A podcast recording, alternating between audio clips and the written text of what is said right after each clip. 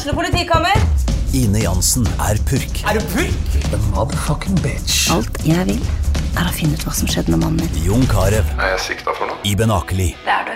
Ole So, Lars Berrum og Big Daddy Karsten. Hvem sin side er du på, egentlig? Anette Hoff, Tone Danielsen, Kommer du fra Afrika? Jørnis Josef, Nesten. Kløfta. Trond Espen Seim, Det er synd å si det, men det var feil mann som døde. Purk.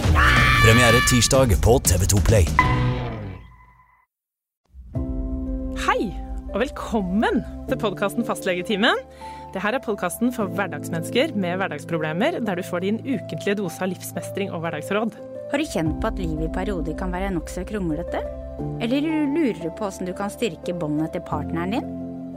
Eller kanskje du leter etter svar på de plagene som du har kjent på lenge?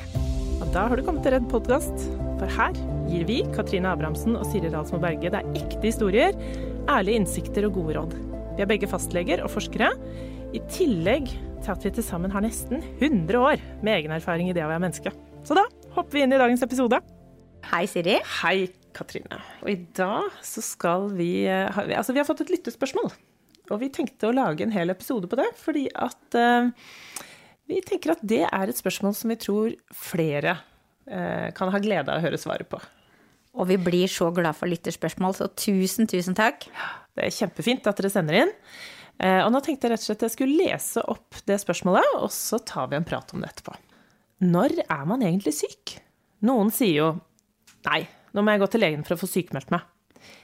Det kan jo være helt riktig, men når vet man at man er for syk til f.eks. å gå på jobb? Er det når man ikke orker å gå på jobb, eller når man ikke klarer? Og hvor vondt må man egentlig ha i ryggen eller i hodet for å ta egenmelding, eller for å gå til legen? Og hvor vondt må en pasient ha i ryggen eller hodet før dere sykemelder?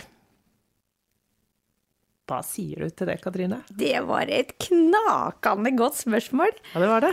Altså, for det første så syns jeg jo Jeg skjønner at folk ute, altså at pasienter og folk flest lurer på det, for dette, dette her er jo ikke noe vi kan gi noe klart svar på heller. Nei.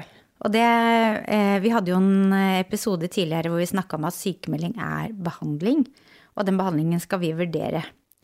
Men det første som jeg tenker er at altså, vi må jo aller først tenke at når noen pasienter kommer til oss med en plage, så må vi finne ut hva er eh, så godt vi kan, da, årsaken til plagene. Så jeg ville jo aller først tenkt hva er det disse ryggsmertene handler om? Er det et akutt prolaps, eller hva er det for noe? Ja, det er jo første punkt, at vi må rett og slett eh, ut, utrede og kartlegge litt og finne ut hva som er eh, eh, hva slags problem de har, da. Ja. Ikke sant? Enten det er hodepine eller ryggvondt, eller, eller om det er andre ting. Ja.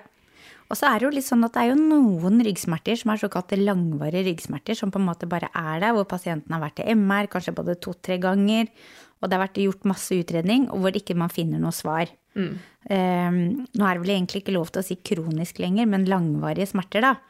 Og i sånne situasjoner hvor det kanskje på en måte ikke helt veit hva som eh, kommer, si, hvordan det kommer til å utvikle seg videre, så er det jo liksom ekstra viktig å tenke at eh, kanskje nesten være litt forsiktig med sykemelding. Og så er det litt åssen jobb folk har. Det er jo det. Det, altså, eh, det kan jo være to stykker som har akkurat samme sykdom eller akkurat samme problemstillinga, men så ender vi opp med sykemelding på den ene og ikke på den andre. Fordi at det handler jo litt om om eh, den sykdommen fører til en funksjonsnedsettelse som gjør at du ikke klarer å utføre jobben din. For det er jo det, det, akkurat det du sa der, det er jo funksjonsnedsettelse, altså evnen til å fungere, som er det vi på en måte må vurdere, da. Og så er det sånn at for mange ryggsmerter så er jo faktisk behandling av det å være i aktivitet. Det er det, og særlig for, særlig for de her langvarige. Eh, Så ser vi jo at eh, jo mer en står eller sitter stille, jo verre blir det. Jo mer en er i aktivitet, selv om det gjør vondt, jo bedre blir det. Så det aller første det er å finne ut åssen type ryggsmerte er dette her, hva er gjort fra før, er denne pasienten godt nok utreda? Eh, og så er det å på en måte trygge pasientene om, hvis det f.eks. er langvarige ryggsmerter, da, trygge pasientene på at vet du hva, du blir ikke verre, det er ikke farlig at du verken at du går på jobb, eller altså trygge de på at de ikke de blir verre, for det er jo man kan ikke på en måte presse pasientene tilbake til jobb hvis de tror at de blir sykere av å være på jobb. Da vil man jo stramme muskulaturen og på en måte føle at man gjør noe feil. Og så er det viktig, tenker jeg da, det der å vite at det er forskjell på, eh, forskjell på om ryggvondten er farlig eller er vond. Ikke sant? Um, for mange så er det godt å vite at det her er ikke farlig. Uh, det er bare vondt. Og nå er det ikke sånn at det er bare å ha vondt, for det vondt er, kan jo være kjempevondt. Ja, absolutt. Uh, men, men, for mange så er det en Opplever jeg at det er en litt sånn lettelse, det òg, å vite at det her, det her er ikke nødvendigvis noe alvorlig eller noe farlig. Men det er vondt, og det kommer til å fortsette å være vondt. Men kan, du kan holde det i sjakk med å være i aktivitet. Og det er nettopp det å trygge pasientene på at dette ikke er en farlig smerte. Få, virkelig bruke tid. Da har jeg en forklaringsmodell som jeg pleier å vise til pasientene, som viser litt sammenheng mellom eh, på en måte at hjernen tolker ting som fare og opplevd smerte. Mm. Eh, og så er det noen ganger det å overtale pasientene til at noen ganger så må vi ta smertestillende for å kunne klare å være i aktivitet. Og så er det kanskje en del som har den oppfatninga at vi skal ikke ta smertestillende for å kunne gå på jobben. Jo, noen ganger så må vi det i den sammenhengen her. Det er i hvert fall å bryte en smertesirkel. Og så er det jo da å lage en plan sånn som Da bruker jeg noen spørsmål som jeg kaller for eh, jobbliste. Kanskje jeg skal lese opp de spørsmåla, Siri? Ja, gjør tror det. Tror du folk lytterne ville hørt eh, litt om de? Ja, det tror jeg er mange som har lyst til å høre. Ja. Eh, det første spørsmålet er å spørre om hva ville vært bra for deg på jobben, sånn som du har det nå. Altså hvis du har de smertene, hva ville vært bra? Eh, og så det andre spørsmålet er kan du nevne noe som tross alt fungerer på jobben? Og så er det siste er, er konkrete ting som gir deg glede på jobb. Nå kanskje ved ryggsmerter så klarer man kanskje ikke å tenke at man har så mye glede. Men et eller annet som kan allikevel fungere, da, selv med de plagene du har.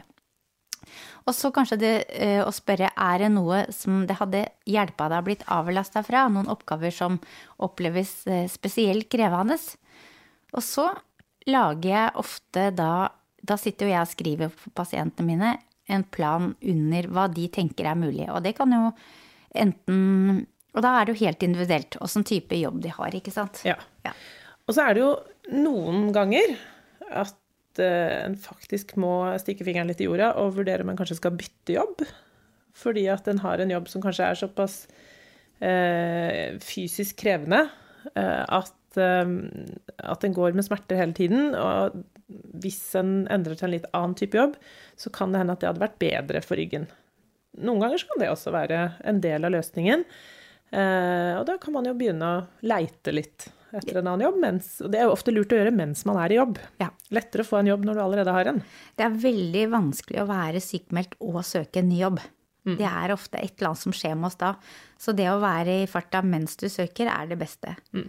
Og så er det jo noen ganger, og det er kanskje ikke så mange som kjenner til, det er også sånn at noen ganger hvis man er for syk til å ha én type jobb, og, og på en måte har sett at denne jobben kan jeg ikke ha, la oss si at man er snekker, da Ok, så er du sykemeldt. Kan, søke, kan, legen søke Nav om å få sykepenger i tre måneder, mm.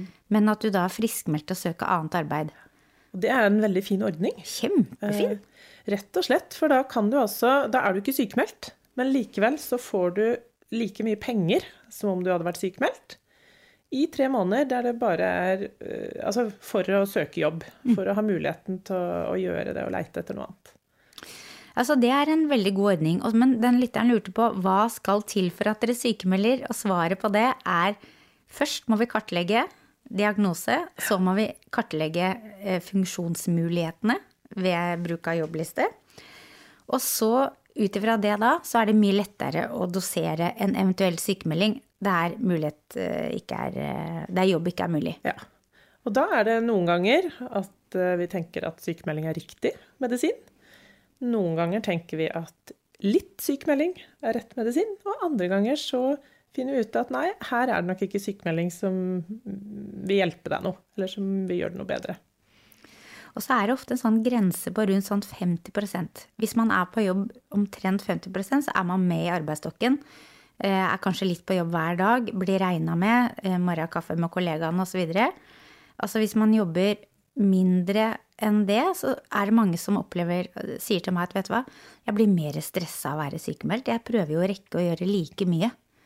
bare på mye kortere tid. Det er akkurat det, for det er jo det mange opplever. Hvis du har en type jobb der du har ansvar for noen ting som skal gjøres, så er det jo ikke nødvendigvis sånn at, eh, at det står noen andre klare til å ta jobben, resten av jobben.